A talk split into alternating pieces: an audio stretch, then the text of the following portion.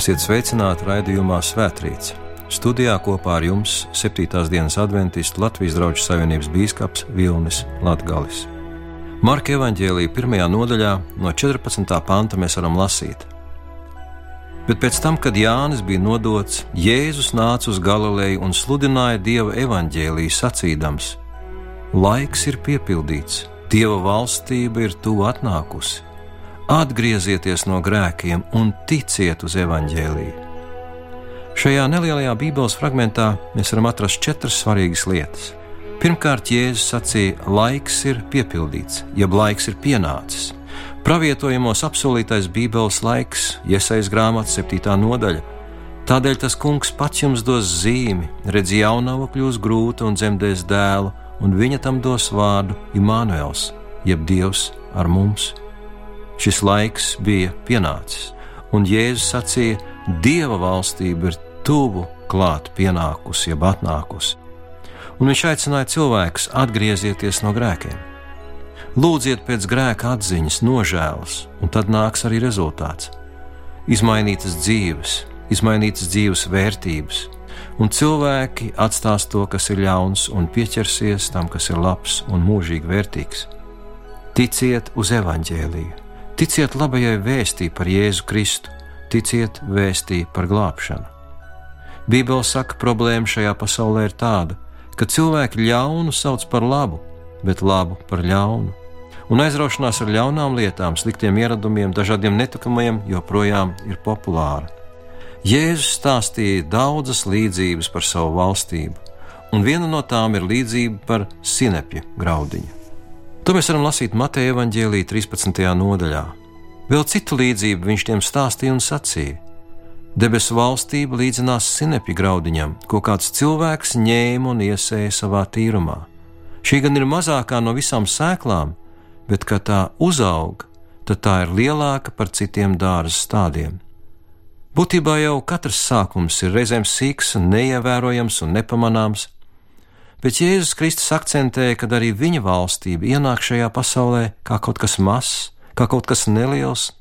Sākumā cilvēkiem pat šķiet mazvērtīgs, bet šodien mēs laiku skaitām no Jēzus Kristus dzimšanas, un arī Dieva desmit baušļi ir katras civilizētas valsts likumdošanas pamats, un kristīgās vērtības ir tās, kas nosaka cilvēku morālu un izvēli.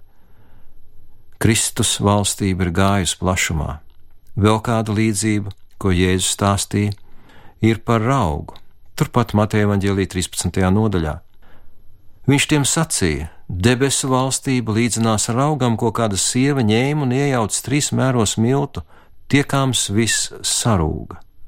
Tāpat kā rauks izmaina mīklu, tās darbību, kā sāls izmaina ēdiena garšu, tāpat tās arī Kristus klātbūtne un viņa valstības likumi izmaina sabiedrību.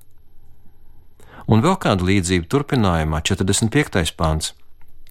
Vēl debesu valstība līdzinās tirgotājiem, kas meklēja dārgas pērles, un atradis vienu sevišķi dārgu pērli, viņš nogāja un pārdeva visu, kas tam bija, un nopirka to.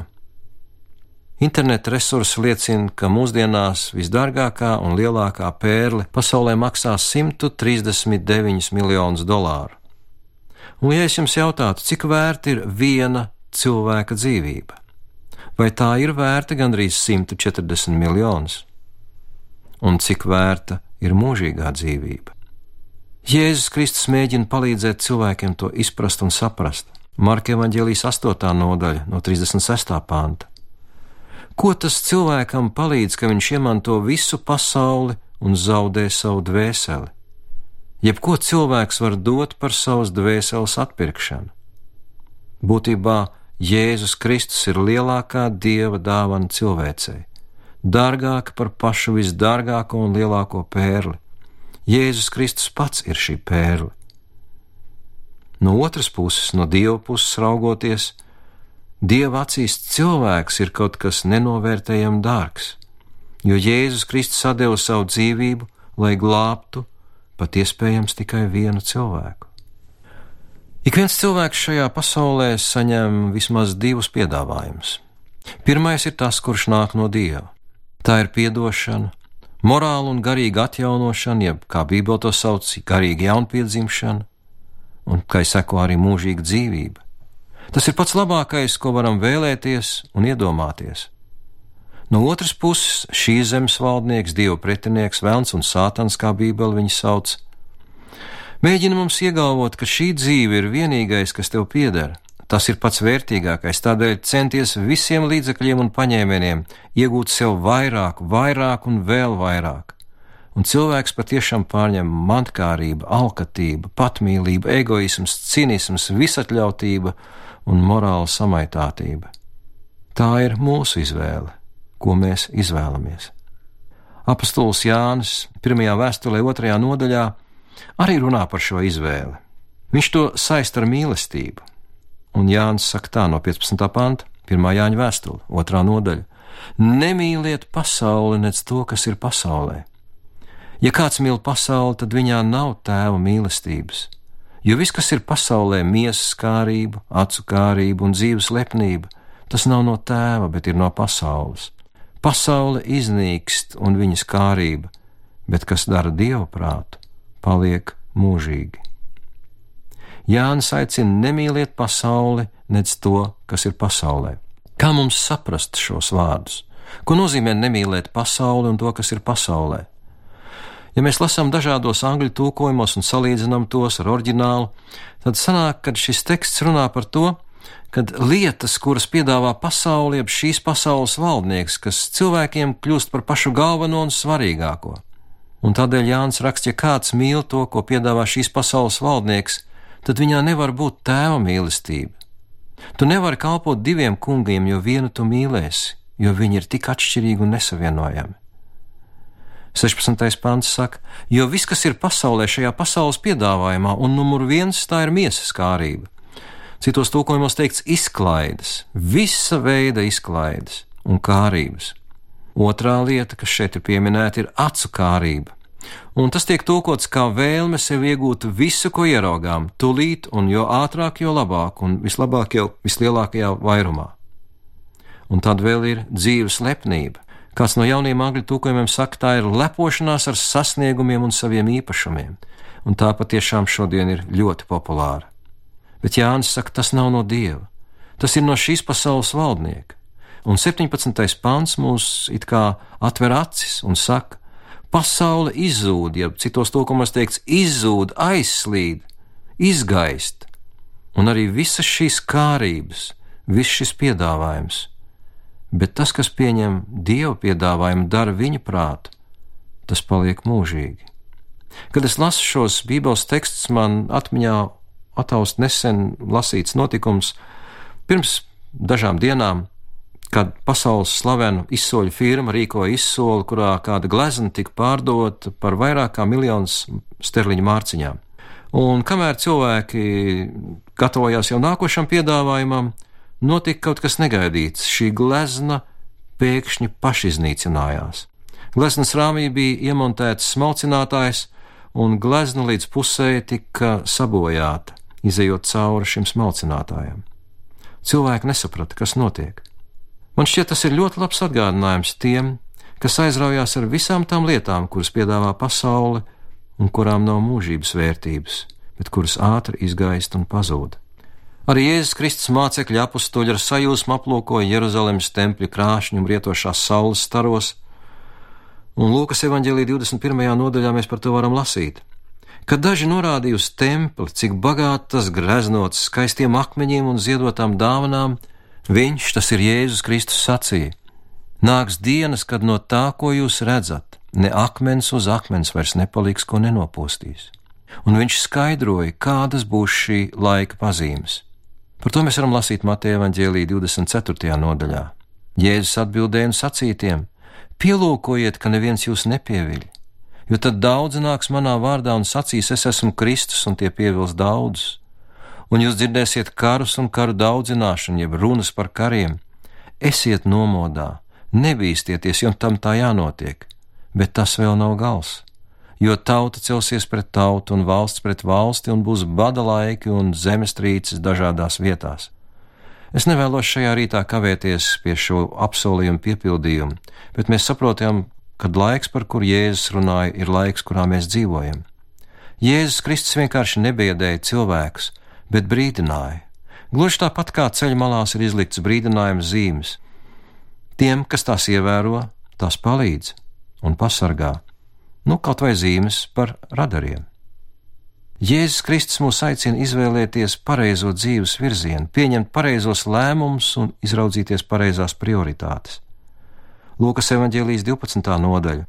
Tāpēc neraizējieties arī jūs par to, ko ēdīsiet un ko dzersiet, neuztraucieties, jo to visu meklē pasaules tautas. Jūsu debes tēvs jau zina, ka jums viss tas vajadzīgs. Tā vietā dzenieties vairāk pēc dieva valstības, tad jums visas šīs lietas tiks piemestas. Un tad Jēzus stāstīja vēl kādu līdzību šajā pašā nodaļā. Esiet līdzīgi ļaudīm, kas gaida savu kungu no kāzām pārnākam, lai tam tūdaļ varētu durvis atvērt, kad tas nāks un klauvēs. Svētīgi tie kalpi, kurus kungs pārnākot atrod nomodā. Un ja viņš nāktu nakts vidū vai pirmajos gaiļos un tos atrastu nomodā, svētīti tie. Tāpat arī jūs esiet gatavi, jo cilvēka dēls nāks tādā stundā, kad jūs to nedomājat. Tie ir Jēzus Kristus vārdi. Un atgriežoties pie Bībeles teksta, kur mēs lasījām sākumā, Marka evanģēlī 1. nodaļā, 15. pantu, lasīsim to vēlreiz. Laiks ir piepildīts, jeb laiks ir pienācis. Dieva valstība ir tuvu klāt atnākusi. Atgriezieties no grēkiem un ticiet labajai vēstī par Jēzu Kristu. Dieva aicinājums ir šodien piedzīvojiet prieka pilnību, pieņemot to, kas nāk no Dieva, vērtējot to, ko Viņš ir darījis jūsu labā, un jūs piedzīvosiet savus dzīves skaistākos brīžus jau šodien, un tad arī mūžību, mūžību kopā ar Dievu, kas jums visu to ir sagatavojis. Lai Dievs mūs svētī, ka mēs katru dienu varētu izdarīt labāko izvēli savai dzīvei Dieva valstībai par labu un mūsu dievam un kungam par godu. Āmen! Mūsu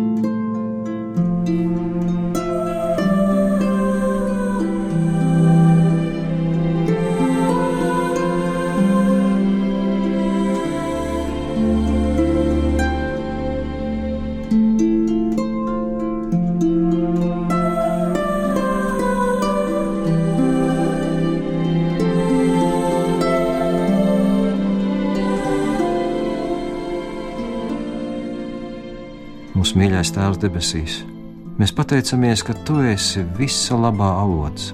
No Tevis nāk dzīvība un gaisma, no Tevis nāk veselība un dziedināšana, no Tevis nāk prieks un līgsmība, no Tevis nāk apsolījumi, kas mūsu garskatam atver mūžīgās vērtības.